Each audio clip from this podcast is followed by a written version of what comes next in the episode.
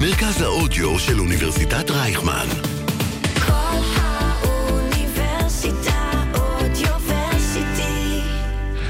היום בחמוצים, קודם כל היום אנחנו בראשון למאי והשירים יעידו על כך, אבל התוכן דווקא ידבר על אמת ושקר, זה מה שביקש גלעד ועל זה נדבר.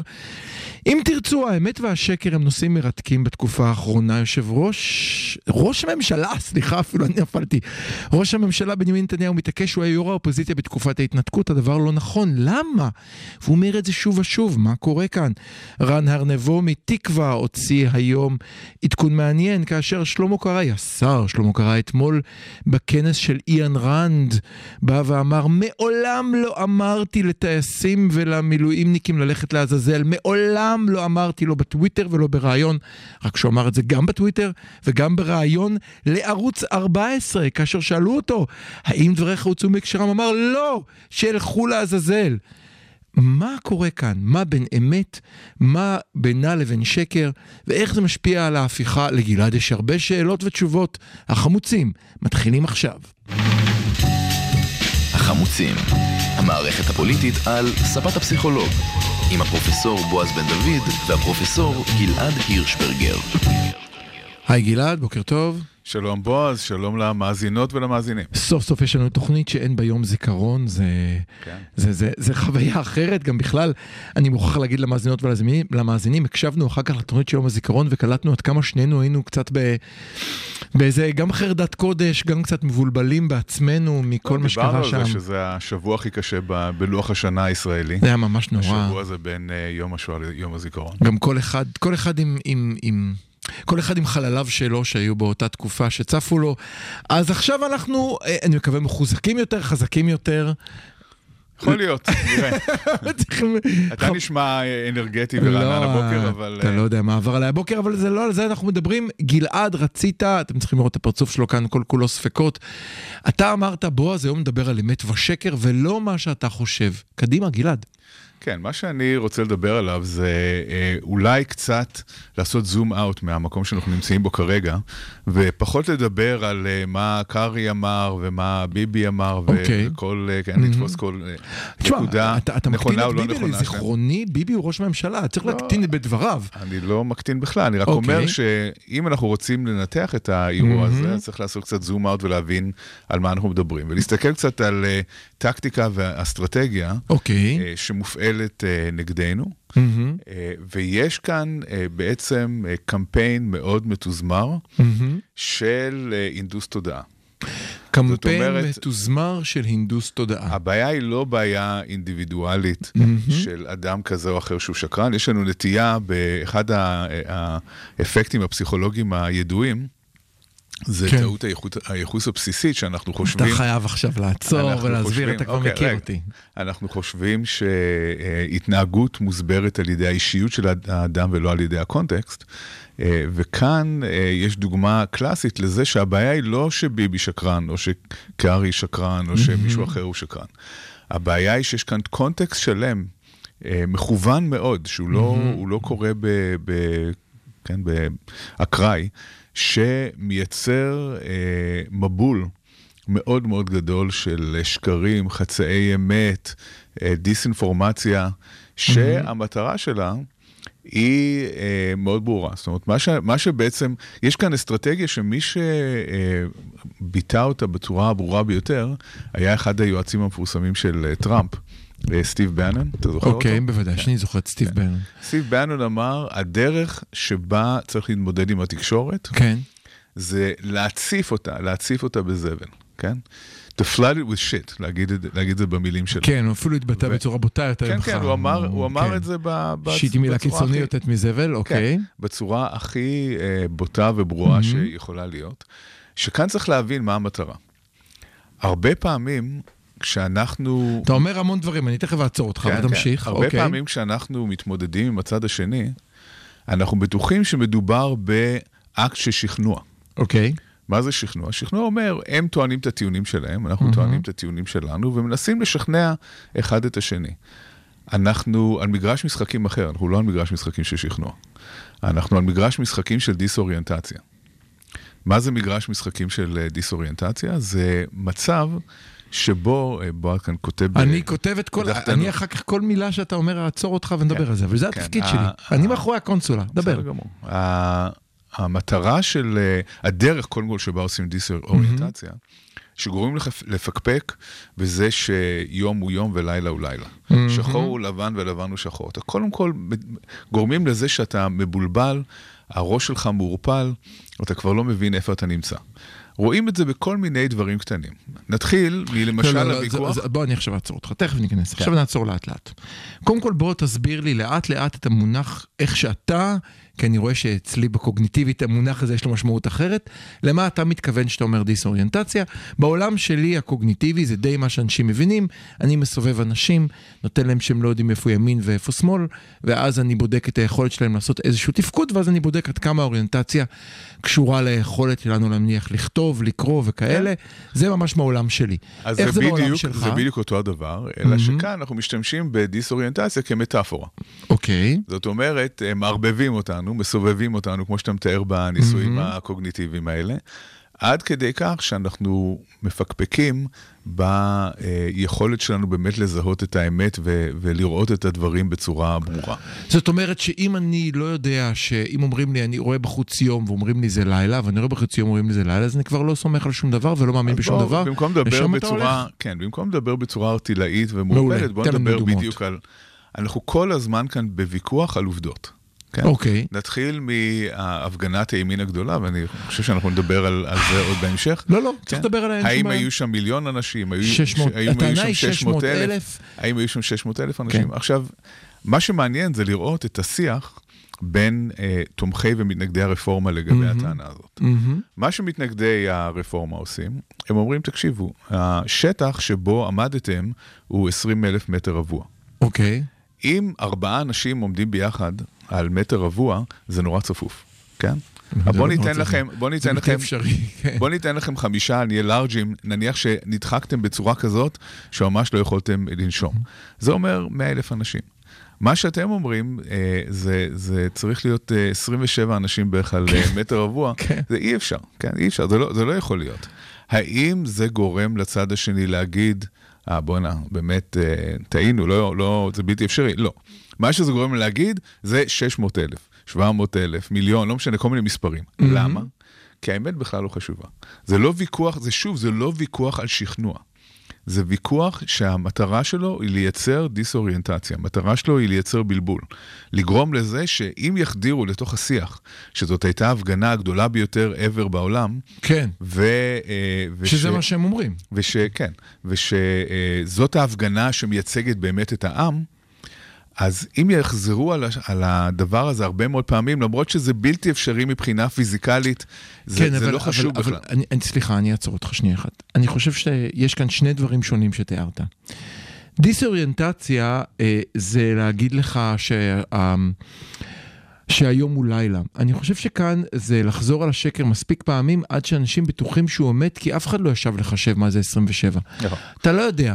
איפה היום, לך- איפה היום והלילה? יש גם יום ולילה. אז, אז אני רק בוא נעצור כאן, אני חושב שכאן דווקא זה לא דוגמה לדיסאוריינטציה, זה דוגמה ל... אם אני אומר את השקר המון פעמים, בצורה מלאה, בהתעלמות מכל מי שזורק לי טיעונים, כי טיעונים ועובדות לא מעניינות. הגדולה, זאת תהיה הכותרת. הכותרת הגדולה של היום זה הנדסת תודעה.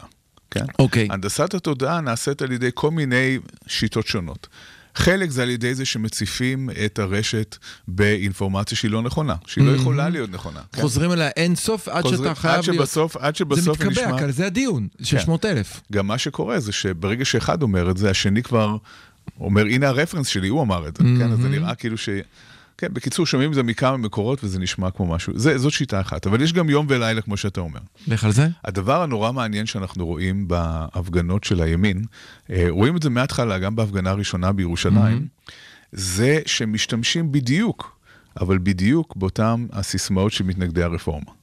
זאת אומרת, הם גם צועקים דמוקרטיה, באותו טון, באותו האופן. הם צועקים בושה. הם שרים אה, דמוקרטיה אומרת. זה ממש אותם המילים עזוב אותך, הם בדיוק. באו עם דגלי ישראל החצופים, פשוט זה שלנו, לא? עכשיו, למה, למה הם עושים את זה? למה, כאן אה, אה, מי שקצת האיר את עיניי בעניין הזה, זה אה, אילן שיינפלד, אתה יודע מי זה? בוודאי. כן, הסופר אילן שיינפלד, שהוא אגב אחד הסופרים המדהימים בישראל. סופר, משורר. אה, אה. כן, הוא משור... האמת שהוא משורר. יותר זה, רוצה להגיד לך, הוא- משורר, אני מכיר נכון, אותו כמשורר, כן, אבל הוא. אבל הוא סופר בחסד עליון. אוקיי. אז, אה, כן, אבל זה כבר עניין אחר. אה, בכל מקרה, הוא אה, התמקד בעניין הזה באחד הטוויטים שלו, והוא אמר, למה הם עושים את זה? למה הם משתמשים באותם המושגים? רוצים לגרום לזה שאתה כבר תהיה מבולבל ולא תבין, הם עושים איזשהו היפוך של המושג, אתה כבר לא תבין באמת מה זו דמוקרטיה. זאת אומרת, אם, אם הם גם צועקים דמוקרטיה, והם טוענים אנחנו הדמוקרטיה, או שהם אומרים אה, בג"ץ זו הדיקטטורה, אתם מפחדים מדיקטטורה, בג"ץ זו הדיקטטורה. כשאתה, כשאתה משתמש באותם המושגים ונותן להם פרשנות אחרת, אתה גורם לערפול מושגי, הכל הופך להיות רלטיבי.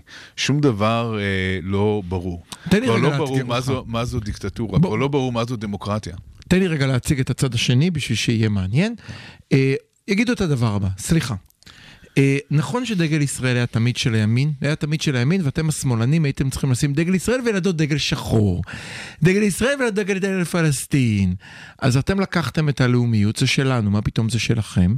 אז אנחנו לא, הם אומרים יותר מזה. שנייה, אני, תן לי רגע, אני אומר, אוקיי, אז מה, מה הבעיה שאנחנו צועקים דמוקרטיה? אנחנו דמוקרטיה, 64 מנדטים. נכון, נכון. זאת הדמוקרטיה. אתם צועקים דמוקרטיה? אנחנו הדמוקרטים האמיתיים, אתם הדיקטטורים נכון. שדופקים אותנו? נכון. מה אתה רוצה? אז עכשיו אתה מגיע לעוד נקודה שלישית שחשבתי לדון בה בהמשך, אבל מכיוון שהעלית לא, אותה... אנחנו היום הכל. לא, לא, מכיוון שהעלית אותה, אז אנחנו, יאללה, אנחנו קדימה. נדבר על זה.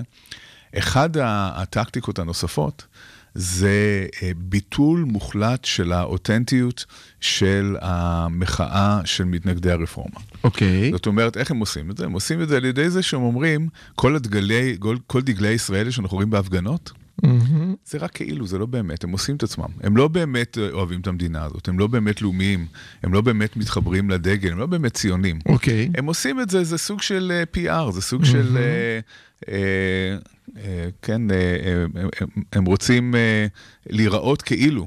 שהם כאלה, אבל הם לא באמת כאלה. מה שבאמת אותנטי, אם רוצים לראות מה אותנטי אצלם, תראו שם בפינה יש כמה דגלי פלסטין, זה מה שהם באמת חושבים. הדגלי ישראל מחפים על אה, הכוונות האמיתיות שלהם. אני אהיה הצד השני, איזה כיף להיות הימין מולך סוף סוף, אני, אני, אני חיכיתי לזה כבר שנתיים. אה, אתם, את, אתם השמאלנים, גלעד, עושים אותו דבר. אנחנו האותנטים בהפגנת השש, שש, שבע מאות אלף, סליחה, היינו עם דגלי ישראל. אז צילמתם כמה עם דגלי כהנא בצד.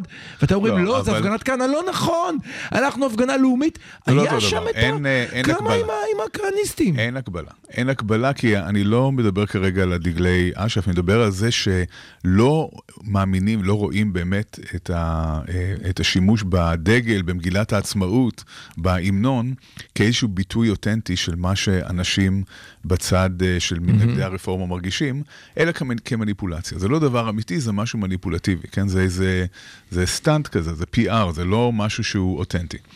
דבר נוסף לגבי ההפגנות עצמם, הדרך שמסבירים, ורואים את זה בהמון אה, מקומות, הדרך שמסבירים את זה ש, שכבר 17 שבועות מגיעים אנשים לקפלן להפגין, לא יאומן. הם אומרים, אה, אז הם אומרים, זה כן יאומן, הם אומרים, קודם כל זאת מסיבה. אנשים אוהבים מסיבות, הם באים למסיבה. כן, ראיתי את זה שני, עכשיו. דבר שני, אה, זה מתחת לבית, כן? זה כולה, זה הפגנה של תל אביבים. אז, Mm-hmm. ה, אז, אז לשים כפכפים ולרדת מתחת לבית לאיזושהי מסיבה, זה נורא קל, זה לא, אה, זה לא באמת הפגנה. כן, Mm-hmm. זה, הדבר, זה, זה לא דורש שום מאמץ, כל אחד יכול אה, לעשות את זה אה, בקלות. אז יש כל הזמן איזשהו רצון אה, להפחית ולא אה, לראות את המחאה הזאת כמשהו אותנטי שמבטא איזשהו רגש אמיתי, שמבטא איזשהו האם זה, רחש אמיתי האם שקיים זה בציבור. בהכרח, אנחנו, אנחנו נפרט את הכל, אני רואה שאנחנו זרקנו עכשיו הרבה דברים, אנחנו נפרק אותם במשך שעה. גלעד, האם זה בהכרח הנדסת תודעה, או שאנשים אומרים לעצמם בצורה ישירה, אה, אנחנו לא מאמינים לכם. אנחנו, אנחנו לא מאמינים לכם. כן, לא, הם, הם באמת לא מאמינים, זה גם אחרי קמפיין מאוד מאוד ארוך של השחרה של כל הדבר הזה שנקרא שמאל, כן, שגם אתה יודע את זה ממחקר אה, משותף משותף, שעשינו, כן. כן, כן, שמראה שיש ממש אה, רתיעה אוטומטית מכל דבר ש... אז, אז השמאל הושחר אה, בצורה כזו, שהוא נראה להרבה מאוד אנשים, וגם אה, אני אפילו דיברתי עם אה, כמה אנשים שאני מכיר, שהם אנשים מאוד נחמדים, אבל הם עדיין מהצד השני, שהזדעזעתי מ... מזה שהם באמת אה, אה, אומרים, כן, בצורה הכי ישירה, שברור שזה מניפולטיבי, ברור שזה לא אמיתי, כי שמאלנים הם אה, נגדנו. שמאלנים הם בעד הפלסטינים, שמאלנים רגע, הם... זה נורא מעניין מה שאתה אומר. אתה אומר בעצם, אני רואה אתכם עושים משהו, אבל בסדר, אז uh, הקוף מנגן על פסנתר, אבל קוף הוא קוף. זאת אומרת, אז יש לך... זה לא אותנטי. מה שאנחנו רואים זה, זה לא לא- משהו, זה לא מה שאנחנו אמיתי. רואים זה לא משהו אותנטי. כן? זאת אומרת, זה לא שיש מישהו מיוחד שמדבר, אלא אנחנו לא מאמינים שזה אמיתי, ואז יש אותו עיתונאי זה שנשלח אתמול, זה יותר מורכב. ואמר זה הכל מסיבה, ראיתי, כל הכבוד לכם באמת, אבל הכל איזה כסף ששפכתם, נכון. מסיבה, ואנחנו, ה... אתה יודע, המאבק הזה על מי זה אותנטי, על מה זה העם האותנטי, הוא, הוא מאבק אה, מעניין. כן. זאת אומרת, אז הימין במשך הרבה מאוד שנים מנכס לעצמו... אנחנו העם. כן, הוא אומר, אנחנו העם. We the people. אנחנו העם, ומה שאנחנו רואים בהפגנות של מתנגדי הרפורמה זה האליטה. הרולקסים! הנה חזרנו אחורנית. כן, זוכר? כן, אבל מה בעצם הם אומרים? הם, אה, קח למשל את ה, כל הנושא של השפחות, כן, המיצג הזה של השפחות. הם אומרים, אין דבר יותר צבוע מזה, אלה נשים עשירות שמשאירות בבית את הילדים האופר, שהיא באמת השפחה, ומתחפשות לשפחות ו, ועושות את כל הדברים האלה. ואז הם מציגים בצד השני את בנות המלך, כן, שהן הנשים האותנטיות אמיתיות, של עם ישראל. אמיתיות, כן, כן. יש כאן ויכוח על האותנטיות, אבל יש כאן גם אחד הדברים המעניינים שקורים, זה שהם נחשפים לאינפורמציה שחייבת ליצור אצלם דיסוננס מאוד גדול. כי אוקיי, פתאום מסתבר, אוקיי. פתאום מסתבר שכל הלוחמי העילית של ישראל, כל הטייסים, כל, לא, אולי כל זה מילה מוגזמת, אבל הרבה מאוד, רוב, רוב ה, ה, אה, ה, ה, כן, ה, הטייסים, הלוחמים כן, ביחידות כן. המובחרות, ה, כן. כן, ה- האליטה הזו, שהם מעריכים אותה, היא פתאום אה, מסתבר שהיא בצד שלנו, ו, וזה דבר שמאוד מפריע להם. כי זה לא מתחבר עם הניסיון להציג את הצד הזה כלא פטריוטי, כלא אותנטי, כעושה את עצמו ישראלי, אבל לא באמת ישראלי. אני חייב לצטט את השר שלמה קרעי. אנחנו יכולים להסתדר בלעדיהם. שילכו לעזאזל. זאת אומרת, אנחנו, הוא, הוא ניסה לשחק את המשחק הבא, הם לא באמת גיבורים, אנחנו לא צריכים את הטייסים, ואז פתאום מתברר ששר הביטחון שלו חשוד בשמאלנות, אומר, אופס, אני כן צריך את הטייסים, ואני כן צריך את כאן- הלוחמים, אז ואני כן כאן, צריך את אה, הסיירות. קארי מבטא אה, תסכול מאוד אה, ברור. אה, והוא שיש כאן אה, אה, מצב שבו מצד אחד אה, הם לא סובלים את הנוכחות שלנו, זה ברור, אבל מצד שני הם ממש לא יכולים בלעדינו. זאת אומרת, אם מסתכלים על משלמי המיסים, על האליטה המדעית, הכלכלית, הטכנולוגית, אה, התרבותית, הצבאית, לא משנה מאיזה כיוון מסתכלים על זה, היא, היא ברובה נמצאת בצד שלנו, אז הם לא יכולים לחיות איתנו, אבל הם גם לא יכולים לחיות בלעדינו. אני, אני הולך להגיד משהו נורא נורא לא politically correct. אני חושב שלא רק שהוא לא politically correct, גם לא בעד המחנה, המחנה שלי, כמו שאומר אה, אותו אחד. אני מרגיש שבצד שלי יש אמירה של אם אתם לא רוצים אותנו, אנחנו יכולים בלעדיכם. אני מרגיש יותר ויותר אמירה בצד שלי. אה, של... זה אה, גם, זה גם לא נכון. ברור שזה לא אומרת- נכון, אבל סוג של אמירה, אוקיי, אז כן. אתם לא רוצים אותנו, תנו לנו דגל, תנו לנו, כמו ששחקו בארץ נהדרת, תנו לנו מדינה ודגל, אנחנו מסתדרים. כן. אה, אני חושב שבצד שלנו יש יותר ויותר אנשים, וכאן הייתה כותרת של מוסף הארץ אה, השבוע, שמחפשים איזשהו פתרון של אה, להיות עם ולהרגיש בלי. זאת אומרת, הרבה אנשים, דווקא בצד שלנו יותר מאשר בצד השני, אומרים, אם מסתכלים על, אוקיי, אולי נצליח עם המחאה הזאת לחסום את המהלכים הנוכחיים. כן, ואולי נצליח למנוע אה, קטסטרופה כרגע. אבל אם מסתכלים, על, ה. אם מסתכלים על המגמות הדמוגרפיות, mm-hmm. ברור שאנחנו מיעוט. הרבה אנשים כבר דיברו על זה בעבר, אה, אה, קרלו שטרנגר אה, ז"ל, כן. העלה את זה כמה פעמים. במאמרים בארץ, שהדרך היחידה שליברלים יוכלו לחיות במדינה הזאת, היא אם תהיה אוטונומיה אבל, אבל, ליברלית. אבל יש כאן משהו שהוא, אנחנו נחתוך בזה, אני, אני, אין לי תשובה, אני אומר את זה בהרגשה לא נעימה. זאת אומרת, אנחנו באים ואומרים, מנסים להנכיח לצד השני שוב ושוב, אה, אין הייטק בלי אקדמיה, אין, סליחה, אין דמוקרט, אין אקדמיה בלי דמוקרטיה, אין, אין הייטק בלי דמוקרטיה, אין צבא בלי דמוקרטיה. כל הזמן אין מנכיחים... אקדמיה בלי דמוקרטיה, זה נשמע... כמעט win win situation, כן, ווין ווין. כן, כן, גם ניפטר מהמרצים וגם, אבל אנחנו מנסים להגיד, שמעו, אין מדינת ישראל מתקדמת בלי דמוקרטיה, וה undertone שזהו בלעדינו, כן. אין מדינת ישראל, אבל זה קצת אומר שבלעדיכם אולי אפשר להסתדר, ואני חושב שזו אמירה בעייתית, אנחנו נדון היא בה. אמירה לא נכונה, אין מה לעשות. שני הצדדים זקוקים לאחר, אין, אה, אין דרך להימלט מזה. אני, אני, אנחנו מסכימים עם זה, אנחנו נעצור כאן, נעבור לשיר העבודה, כי היום האחד במאי, ונחזור וניקח את כל הנקודות שזרקת פה ונפתח אותן. כבר חוזרים.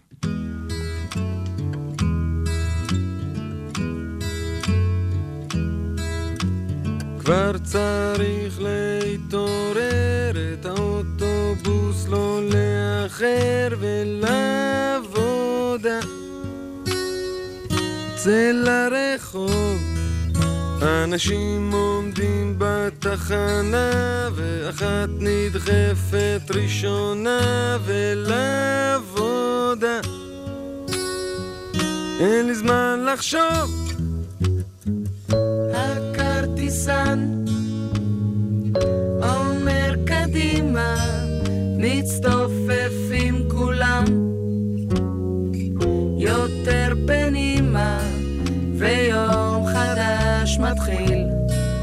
מעונן חלקית עם גשם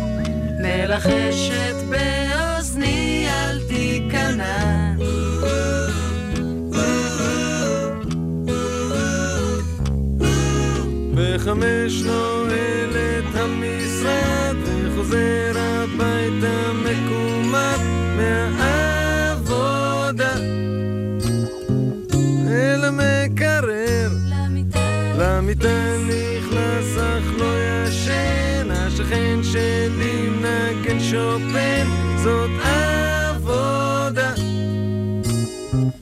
הוא מלמד פסנתר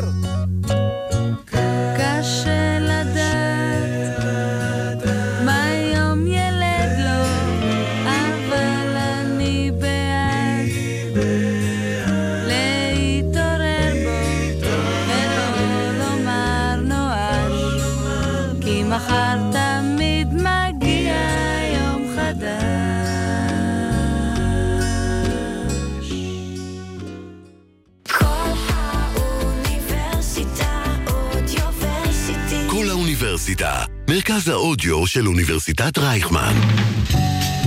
החמוצים, המערכת הפוליטית על ספת הפסיכולוג, עם הפרופסור בועז בן דוד והפרופסור גלעד הירשברגר. כאן הנקודה להזכיר למי ששומע אותנו כפודקאסט, כהסכת, שאנחנו משדרים live 106.2 FM בכל יום שני בשעה 10 בבוקר, ומי ששומע אותנו בהסכת מוזמן אה, להמליץ עלינו, לעשות לייק, subscribe, או כל הדברים המוזרים האלה שאפשר לעשות באפליקציות, זה עוזר לנו לצאת החוצה. אה, גלעד, אנחנו, כל הדברים שרשמתי פה במרץ, אני רוצה לחזור עליהם קצת. בואו נעצור שנייה ונדבר עוד על דיסאוריינטציה כחלק מהנדסת תודעה. בוא תן לי... נתחיל מהנדסת תודעה אולי, בסדר. אוקיי? אה, שזה המושג היותר אה, רחב. הגדול שאתה רוצה להגיע אליו, אין כן. בעיה. אה, מה, אני, אני חושב שהדרך הכי טובה להסביר את זה, היא כן. ללכת למאמר מאוד uh, מפורסם של אחד מראשי הציונות, של אחד העם, מהמם. שכתב... איך אתה תמיד הולך אחורה, אין, אין, אין. כן, הייתי צריך להיות היסטוריון. ש- כן, פוספס, לא נורא. כן. שכתב מאמר, אחד העם כתב מאמר. אה, על משה, על משה רבנו, שבו הוא עושה הבחנה נורא מעניינת בין מה שהוא קורא לו אמת היסטורית לאמת ארכיאולוגית. אמת היסטורית ואמת ארכיאולוגית. כן. אוקיי. אוקיי, אז מה זה אמת ארכיאולוגית? אמת שאתה יכול למצוא ממצאים שאין עוררין עליהם. מצאת חרס, החרס נמצא, נכון. אפשר לתארך אותו בעזרת פחמן 14 ולהגיד אוקיי. נכון. אמת ארכיאולוגית זה מה באמת קרה. מהמם, שיש לך ממצאים והוכחות מאוד ברורות של מה באמת היה. ואחד היית אומר אמת מדעית אולי? היית אמת נכנס לזה? מדעית, אמת טוב. מדעית. ואחד העם אומר, את מי האמת הזאת מעניינת?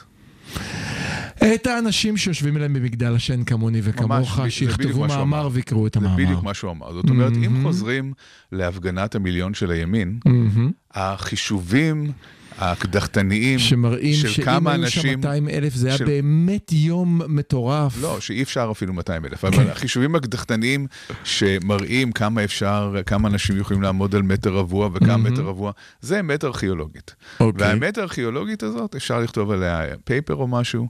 אבל היא לא מעניינת את העם. מה שמעניין את העם זה מה שהתקבע להיות הסיפור המכונן, האמת. הסיפור הנ- של משה. עכשיו, מה, למה הוא הסיפור כותב את זה? הגדול, הנרטיב שמניע אותך. כן, אז מה, מה בעצם אחד העם אומר? אחד, מהמם. אחד העם אומר, האמת ההיסטורית היא האמת החשובה. האמת ההיסטורית היא האמת שרוב הציבור מאמין בה, שרוב האנושות במקרה של משה מאמינה אה, בה, אה, וזו אמת שמחוללת שינויים היסטוריים. זאת אומרת, הסיפור של משה ושל יציאה ממצרים היוו השראה לעבדים שחורים בארצות הברית בתקופת העבדות. כן, אה, מהווה השראה לציונות. כן. זאת אומרת שיש אה, תמורות אה, מדיניות, תמורות כן, כן. היסטוריות מאוד משמעותיות שקורות בגלל האמונה באירוע שיכול להיות שהוא לא קרה, הוא אומר זה לא חשוב אם זה קרה. אולי, יכול להיות שלא היה משה רבנו, הוא אומר.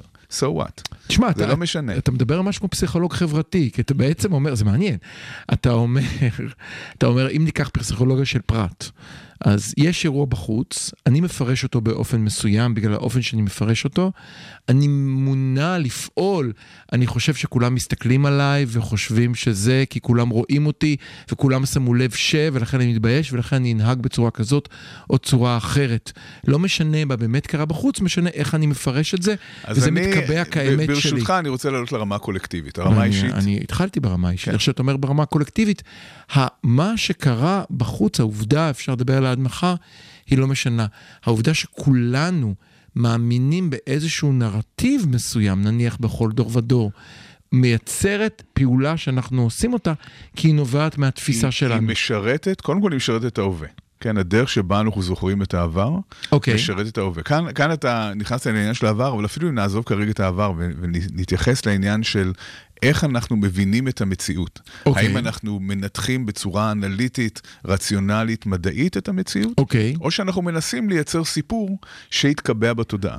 כאשר הימין מדבר על הפגנת ה-600 אלף, לא Mm-hmm. מעניין אותו החישובים שלך, של ה-20 אלף אה, מטר רבוע, זה ממש לא מעניין אותו. מה שהוא רוצה, זה שעוד עשר שנים כשידברו על ההפגנה הזאת, המספר 600 אלף יעלה ואף אחד כבר לא יעשה חישובים. כי יזכרו Mm-hmm. שזה מה שהיה. ההפגנה הגדולה בהיסטוריה. זה מה שהם רוצים. אה, אז ה- מה אז שאחד למה ה- אתה חוזר לשקר הזה העם- פה? אתה מקבל, אתה מה ש- משרת את זה. אני אומר את זה, אנחנו כן. הסברנו למה זה לא נכון. כל אחד יכול לעשות עם זה מה שהוא רוצה. אוקיי. אה, אנחנו, אם אנחנו מסתכלים על, אה, שוב, על אחד העם ועל ההבדל Mhm. בין אמת היסטורית לאמת ארכיאולוגית, אז זה עוזר לנו להבין הרבה מאוד דברים שקורים. אתה מקודם, בתחילת דבריך, הזכרת השקרים של אה, ביבי לגבי זה שהוא היה ראש האופוזיציה אופוזיציה. בהתנתקות. זה לא שהוא דימנטי, זה לא לא. שהוא לא יודע לא. מה הוא היה. הוא מנסה לייצר איזשהו סיפור שהתקבע בהיסטוריה, שיזכרו, במקום שיזכרו את זה שהוא הצביע, ארבע פעמים. שהוא הצביע בעד ההתנתקות. ארבע כן, פעמים נכון. כשהוא היה יכול להצביע, היו שרים שהצביעו רק פעמיים, כן. הוא התעקש הוא יכול להגיע. להצביע נגד גם. הוא לא, הוא הצביע. התעקש להגיע גם כשהוא לא היה חייב, הוא הגיע והוא הצביע כן. בעד. נכון. הוא התפטר ממש בדקה ה-90, נשאר בכנסת כחבר ליכוד. נכון, אבל כאן שוב, אתה מדבר על אמת ארכיאולוגית שהיא נכון. לא חשובה. מה שחשוב זה האמת ההיסטורית, מה התקבע, מה רוב העם יזכור.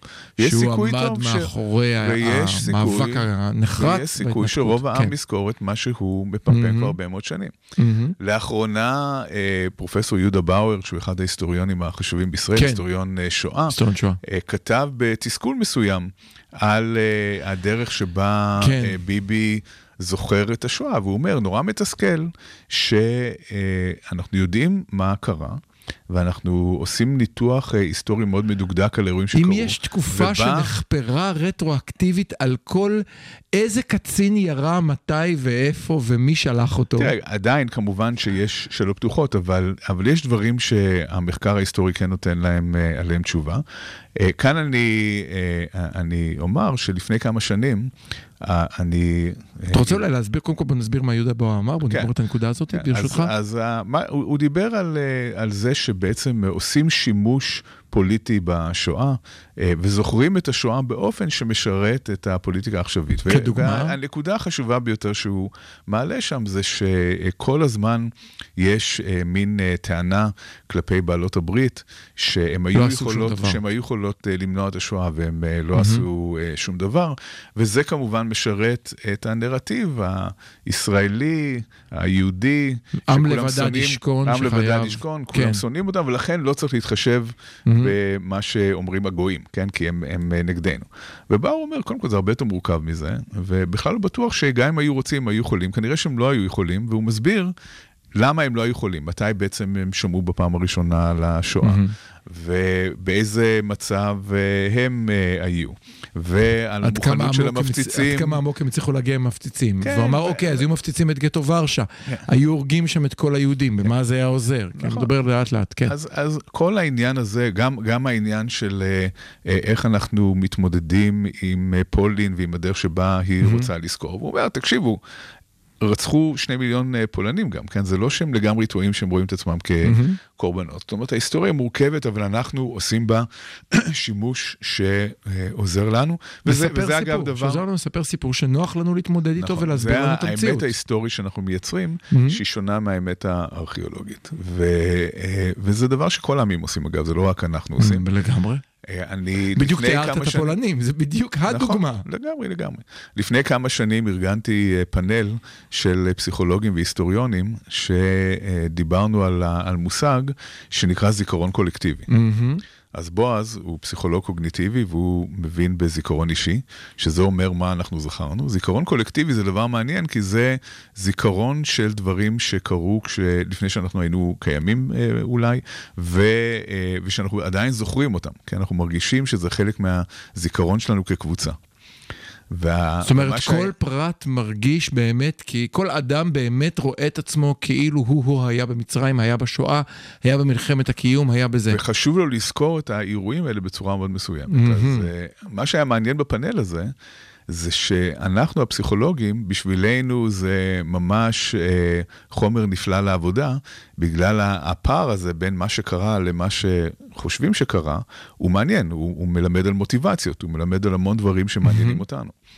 אבל ההיסטוריונים נורא מתוסכלים. ההיסטוריונים אה, יושבים שם ואומרים, אנחנו יושבים ונוברים במסמכים ונוברים בספרים ומוצאים מה באמת קרה, ואף אחד לא, לא רק שלא רוצים לשמוע את זה, ממש כועסים עלינו כשאנחנו מעלים את ה... ו, ולגבי, אה, ב- בהיסטוריה של הציונות יש הרבה כאלה, היה שם פרופסור אה, מוטי גולני, שהוא חוקר את כל תקופת המנדט הבריטי, והיו לו המון סיפורים מעניינים על, על הנושא הזה. אני אעצור אותך, אני אתן הקבלה, דיברת על זיכרון וקוגניציה, אז הקבלה מהעולם שלנו, החלוצה שהראתה שאנחנו זוכרים זיכרונות לא נכונים, היא קוראים לה לופטוס, והיא דיברה על הבעיות של, עדו, של אה, עדים ועל בעיות של אנשים שזכרו התעללות בילדות, והיא הראתה עד כמה יש בזה בעיות ופגמים ואיך היא יכולה לייצר זיכרונות אה, שגויים, והיא מתארת שהיא טסה באיזה מטוס בדרך אה, לכנס, תפסו את האנשים והרביצו לה מכות במטוס, אמרו, מה זאת אומרת? זה לא יכול להיות, כי אני זוכרת בוודאות שם, מה זה את אומרת שהזיכרון שלי הוא לא?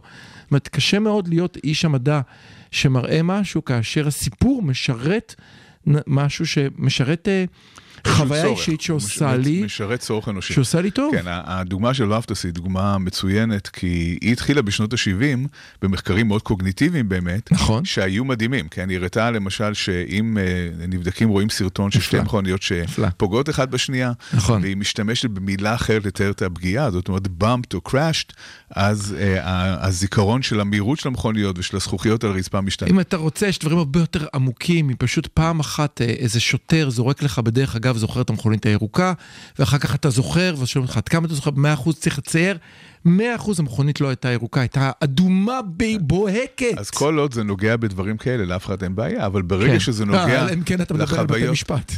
ברגע שאתה מגיע לחוויות אישיות של אנשים, חוויות כואבות, כן. אה, דברים כמו התעללות בילדות.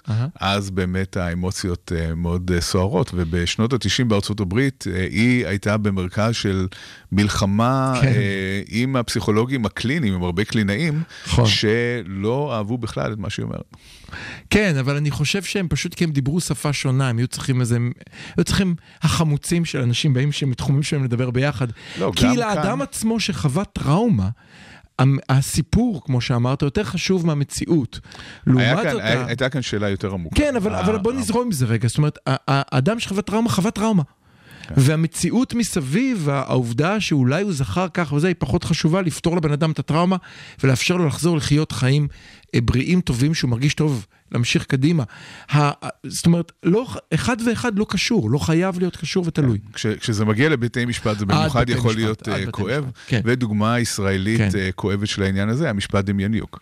מה שקרה במשפט דמיוניוק... וחזרנו אל השואה, כן, גלעד חזר תמיד, לאזור תמיד. הנוחות, כן, כן. תמיד.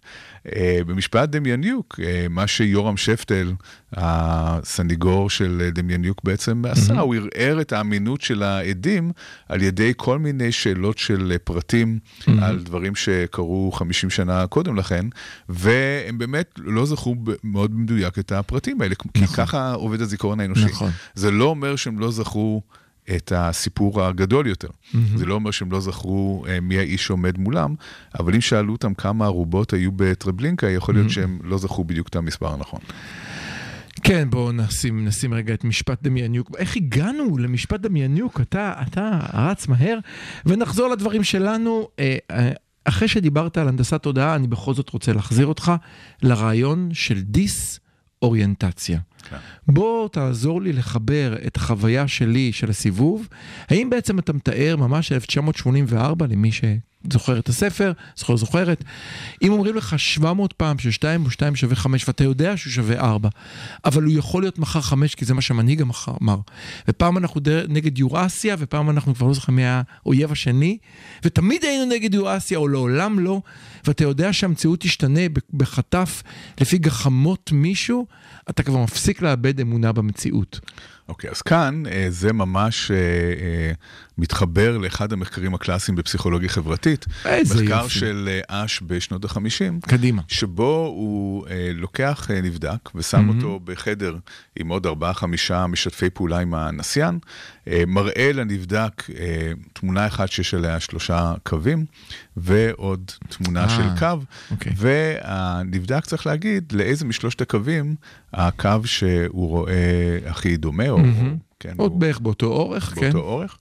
אה, וקודם שואלים את האחרים. מהמם. ואחרים נותנים תשובה שהיא בלתי סבירה, זאת אומרת, הם אומרים שה... הקו, ש- שהקו הזה ה- דומה לקו הכי הכי קצר שיש, אין סיכוי. או הכי ארוך, לא חשוב, מהמם. כן, אבל קו שהוא שונה ממנו באופן אה, מובהק, מהמם. ואז רואים שעם הזמן הנבדק לאט לאט מתחיל לקבל את הדעה של הרוב, של הקונסנזוס, גם אם, גם אם זה ברור שהקו הוא לא באותו האורך. שאלה שהייתה לי תמיד על המחקר, האם הוא סתם אומר את זה בגלל שהוא או, רוצה שאנשים ישמעו, או שהוא ממש בטוח? אז המחקר בדיוק התמקד בהבחנה הזאת, זאת אומרת, יש שני סוגים של הסכמה עם הרוב. מהמם.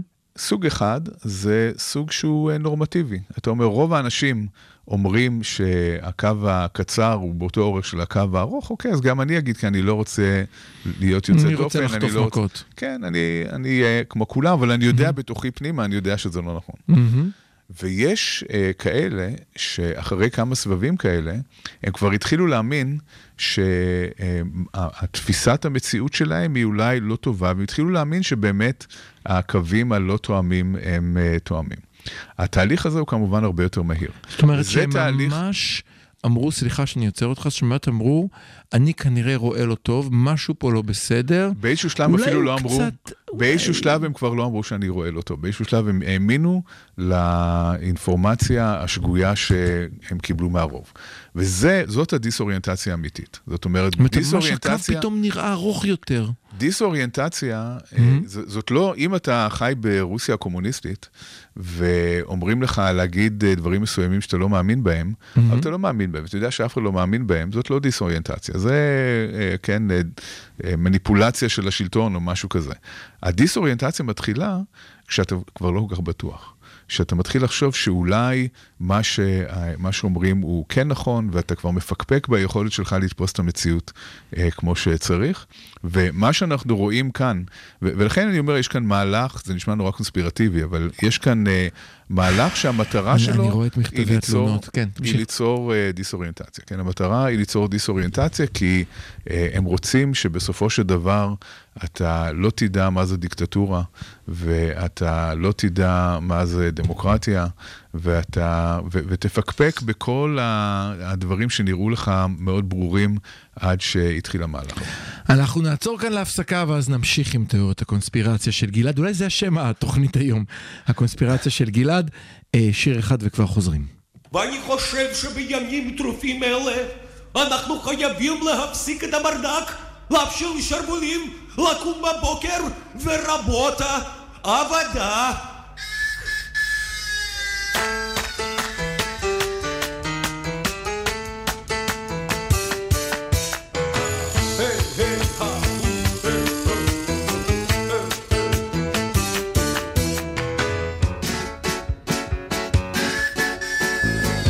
הבוקר בא, הבוקר בא, אז תגיד תודה.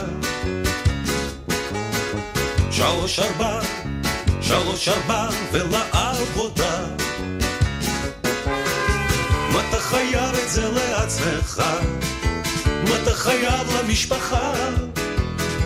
ואתה חייב לשפוך הרבה זהה, ושלוש ארבע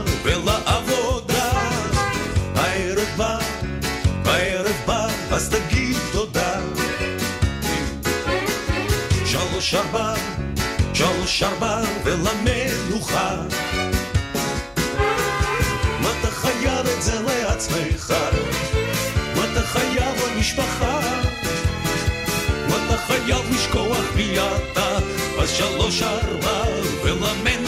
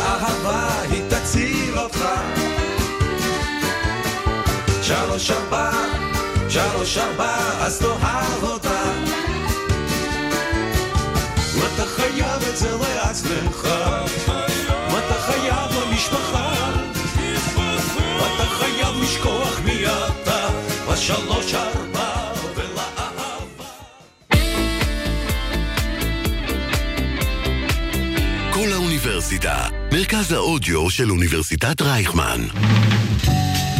החמוצים, המערכת הפוליטית על ספת הפסיכולוג, עם הפרופסור בועז בן דוד והפרופסור גלעד הירשברגר. תודה שחזרתם לנו, אנחנו בחלק האחרון, אנחנו ממשיכים להתמודד עם המונחים שזרקנו לנו בהתחלה, זה התפקיד שלי פה. דיברנו על, על שחיקה, שחיקה של מילים, שחיקה של משמעות. אני, אני רוצה, אנחנו נהיינו בפרק נורא פסיכולוגי היום, איך זה קרה לנו? אז בעולם שאני מכיר, אז הרעיון הוא semantic satiation, שחיקת uh, משמעות. אם אתה אומר מילה, אה, יש ניסוי מאוד מפורסם, אתה מתבקש של פלדמן בארט, סליחה, צריך לתת לה קרדיט. אם אני אומר את המילה כועס 30 פעם, כועס, כועס, כועס, כועס, כועס, כועס, ככה 30 פעם, המשמעות של המילה הולכת ומאבדת, ואני מזהה פחות טוב פנים כועסות. זאת אומרת, עד כדי כך שאני אפילו אם יש מולי משהו ברור כמו פנים כועסות, שאמור להיות מיידי, מהיר, לכאורה אוטומטי, אני כבר לא בטוח איך לשיים את זה, מה זה הדבר הזה, כי שחקתי את המשמעות. אתה כאן אמרת, יש לנו כאן שחיקת משמעות כפול שתיים, זאת אומרת, לא רק שכל הזמן צועקים דמוקרטיה, דמוקרטיה, ואני לא יודע מה זה אומר, אלא שאם גם הצד השני אומר את זה. ואומר שדמוקרטיה זה לא אה, להתחשב במיעוטים, דמוקרטיה זה שלטון הרוב, מה אתם רוצים? דמוקרטיה, שלטון הרוב, זה גם שלטון העם, ואנחנו העם האותנטי, ואנחנו הרוב, אז מה אתם רוצים מהחיים שלנו? דמוקרטיה. כן, אז אני חושב שכאן אה, נורא מעניין לראות את התהליך שכל המחאה הזאת אה, עוברת אה, מתחילת הדרך. אה, אני יכול להגיד שמסקרי דעת קהל שאנחנו עשינו, רוב הציבור, לאורך שנים. לאורך שנים. אה, כן. אתה לא מדבר עכשיו. גם עכשיו, גם עכשיו. יש לך סקופ חדש, לא, זרוק לי. יהיה שבוע הבא, אה. עוד שבועיים, שבוע הבא לא יהיה אה. תוכנית. טוב. אבל בסקרים שעשינו לאורך זמן, ושאלנו נבדקים על דמוקרטיה, נבדקים ישראלים, כן, מדגמים מייצגים של אה, יהודים ישראלים. רוב הציבור הישראלי לא התעניין כל כך בדמוקרטיה עד היום, לא ראה את הדמוקרטיה כמשהו שנתון לאיזשהו אה, איום, ואני בטוח זה גם שאם בטח לא היינו... השפיע על ההצבעה שלו, כמו שכבר אמרת. נכון, לא ראינו שזה לא משפיע על זה ההצבעה. לא מעניין, לא על זה אני מצביע. זה היה קצת כמו uh, המשמעות של uh, מים לדג, כן? זאת אומרת, אנשים פשוט לקחו את זה כדבר מובן מאליו, שיש להם uh, חירויות וחופש, והם יכולים לעשות מה שהם רוצים. שאלה, רגע, אני חייב לעצור אותך. אפילו אחרי הקורונה ואחרי האיסור הפגנות ל-100 מטר והכל, עדיין זה היה מושתק ב... כן, בסקרי- הייתה קבוצה מסוימת של אנשים שהם דווקא היו uh, מתנגדי החיסונים, החיסונים, ש- אוקיי. שצעקו שיש כאן uh, פגיעה בחירויות הפרט, ורוב האנשים די כעסו על זה אפילו, על ה... אוקיי. כן, כי הם אמרו, יש מגפה וצריך לטפל בה. בוא נציל חיי לבלבל." אדם, כן. חברים. נכון. אוקיי. בסדר, זה, זה סיפור בפני עצמו, המתח הזה אבל, בין, אבל, אה, אבל בין חופש הפגנות, לביטחון. הפגנות המאה מטר האלה לא, לא, לא הפריעו לאנשים להרגיש, אתה זה אומר. לא, האיום על הדמוקרטיה לא הורגש עד אוקיי. עכשיו. ומה שמעניין זה שאני בטוח שאם היינו שואלים לפני כמה חודשים, לפני שהתחיל כל הסיפור הזה, אם היינו אה, אה, שואלים אנשים מהרחוב על אה, הפרדת רשויות, כן. על, אה, על, על אה, עריצות רוב, על כל מיני מושגים שעכשיו התחילו להיות מושרשים, הם לא היו יודעים על מה מדובר. זאת אומרת, אם התפיסה אה, הרווחת בציבור תמיד הייתה, שאם הרוב מנצח בבחירות, אם יש קבוצה שמנצחת בבחירות והיא מייצגת את הרוב, אז היא באמת יכולה להחליט אה, מה קורה. עצם זה שהצליחו להסביר לציבור מאוד גדול, נכון. שיכול להיות מצב שבו מפלגה מסוימת או קואליציה מסוימת מנצחת בבחירות, ללא ספק, הם ניצחו בבחירות, אין עוררין לגבי זה שהם ניצחו בבחירות, אה, אבל עדיין הם לא יכולים לעשות ככל העולה על רוחם, בגלל שלדמוקרטיה יש איזה שהם גבולות, וחשוב שיהיו איזונים ובלמים, וחשוב שתהיה הפרדת רשויות, זה נורא מורכב, זה רעיון מורכב, זה רעיון שדורש ידע לגבי דמוקרטיה, אתה צודק, זה מהלך מדהים. עצם זה, זאת אומרת, המהלך הראשון שאנחנו רואים, היא לא שחיקה של המילים, אלא היא דווקא אה, איזשהו תהליך חינוכי קולקטיבי עצום שקורה כאן. פתאום אנשים שהוא- יכולים שהוא לתת חשוב. לך, אנשים אה, מן היישוב, שלא התמקדו בעולמות הדמוקרטיה ופלפולי החוק, מתחילים לדבר, רגע, רגע, רגע, אני רוצה חירויות פרט. המונח הזה פתאום היום, קיבל היום משמעות. כל ילד יודע להסביר על עצמאות בית המשפט, זה משהו שלא היה קיים בעבר. נכון. וזה כבר דבר מאוד חיובי שקרה במחאה. אבל יש תהליך נגדי, כן? מול, אוקיי. ה, מול הפעולה יש אה, ריאקציה.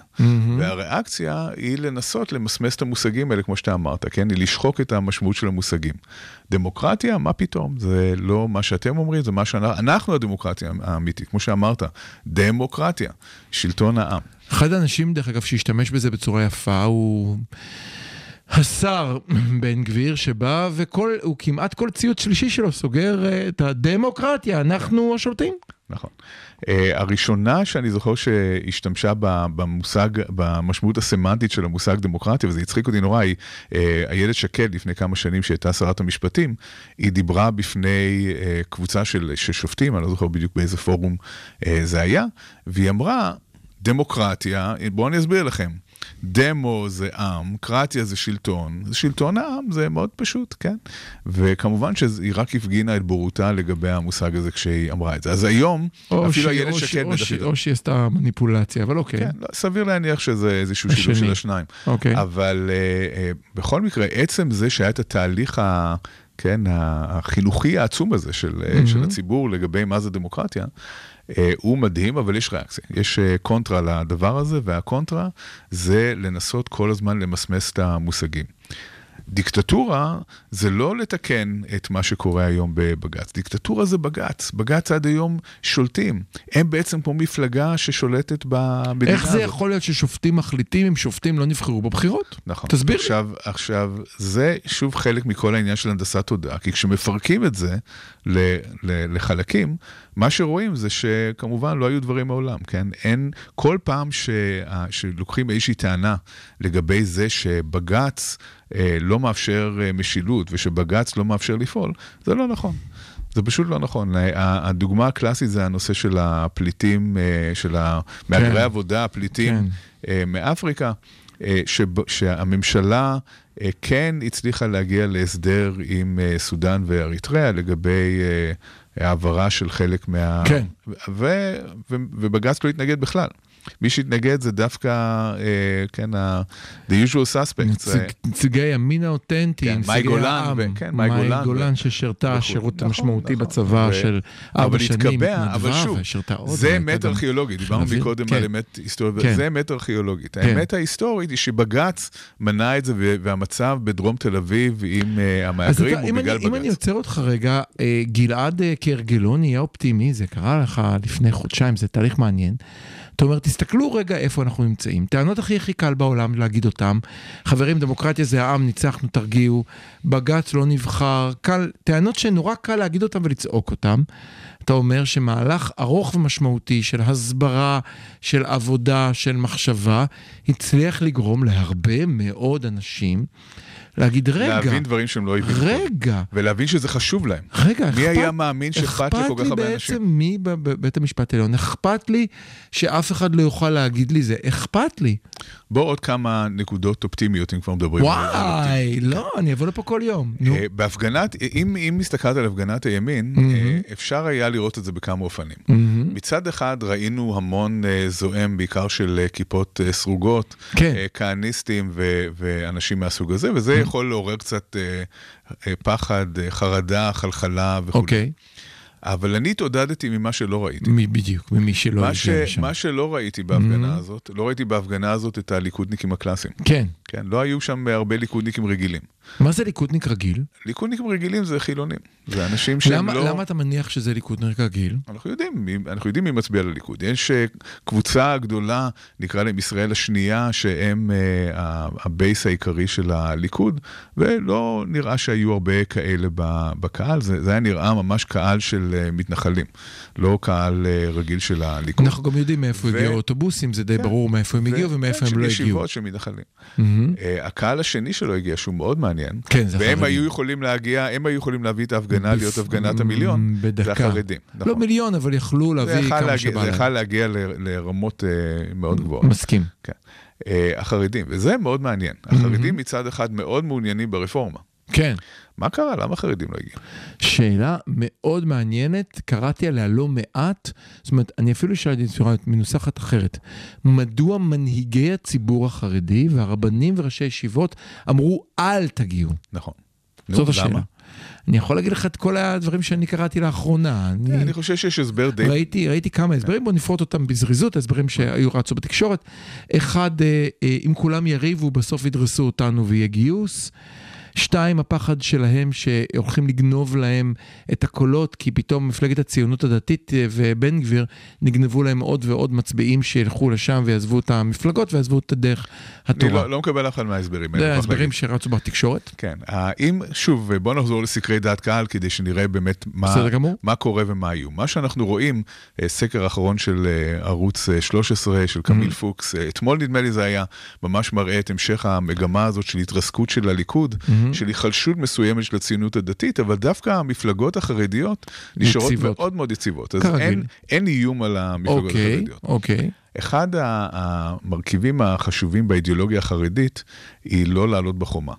זאת אומרת, אה, לא להתגרות בכוחות שאתה לא רוצה להתגרות בהם. אם אתה רואה שיש אה, אה, נחשול מאוד גדול של אה, אנשים שרוצים אה, משהו מסוים שעלול לאיים עליהם, הם מעדיפים אה, להרגיע את זה ולא להיכנס לעימות חזיתי עם זה.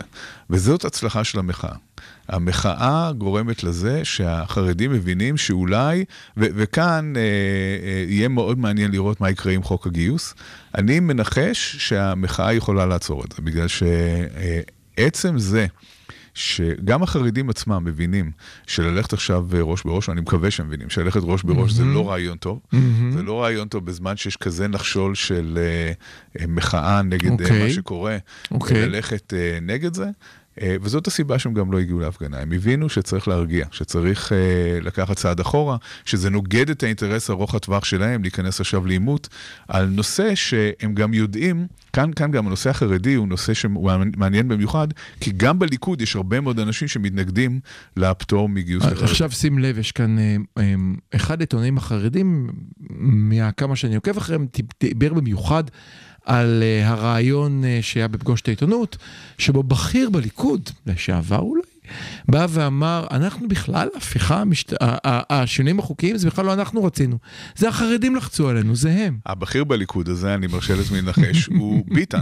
שביטן, ביטן הוא דמות מאוד מעניינת, אני מוכרח להגיד. אפשר להסתכל מצד אחד על, על מה שהוא עושה. שבעה האישומים שמוגשים נגדו? אפשר, אפשר להסתכל על זה, ואפשר להסתכל על זה שאולי בגלל התסכול שלו מכך שהוא לא קיבל uh, תפקיד, uh, הוא עכשיו uh, יוצא בצורה כזאת, אבל ביטן לאורך השנים, היו לו uh, אמירות שהן uh, מין ביטוי של איזושהי אמת שאף אחד לא רוצה לראות אותה. למשל, מעניין. לפני כמה שנים יש את פרדוקס ביטן כן, המפורסם, שבו כן. הוא שאל איך זה יכול להיות שאנחנו לוקחים את מיטב הקצינים, נותנים להם אה, תפקידים בכירים בשב"כ, במוסד, בצבא, והם יוצאים מהצד השני. שמאלנים. כן. כן, איך זה אה, יכול Mhm. לקרות? זאת שאלה נהדרת, בגלל שזה באמת אה, מה שקורה. הדבר שהוא אמר השבוע, זה שצריך, להצ... שהחקיקה וכל ההפיכה הזאת היא, היא טעות מאוד גדולה, שהיא מזיקה לליכוד ושצריך לעצור אותה.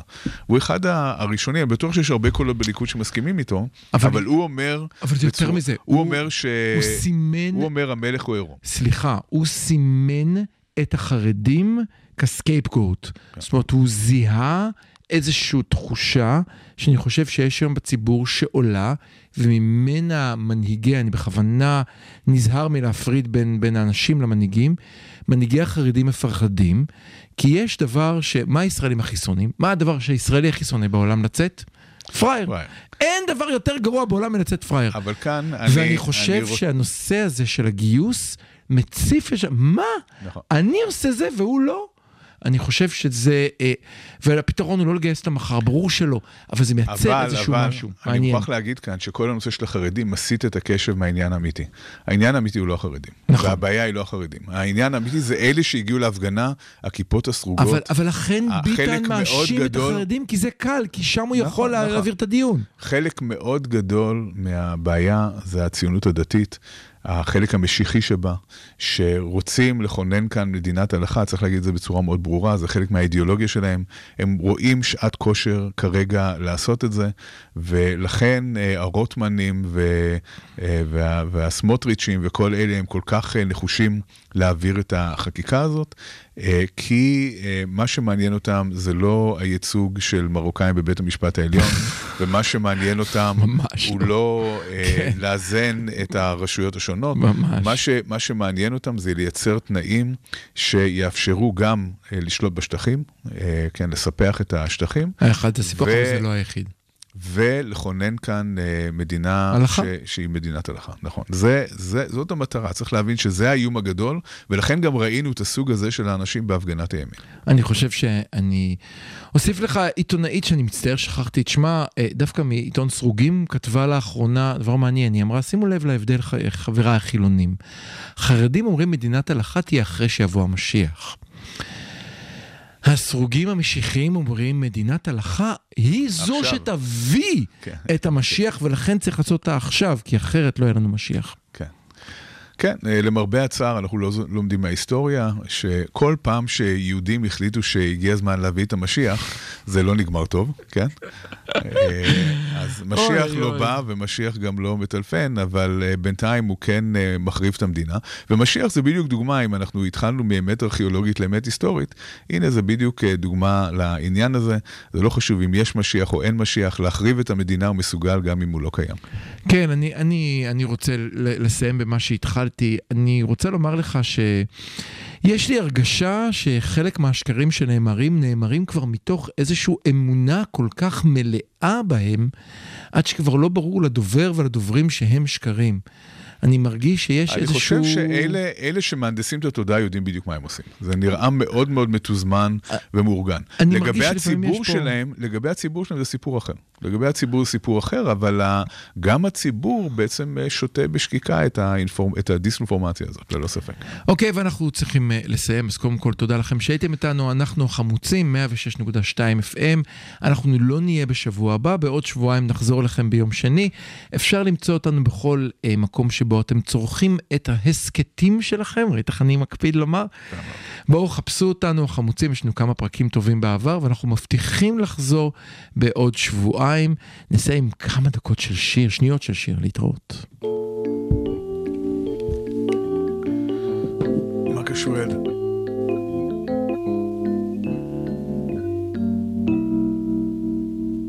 יש ילד שאבא שלו רופא, ויש ילדים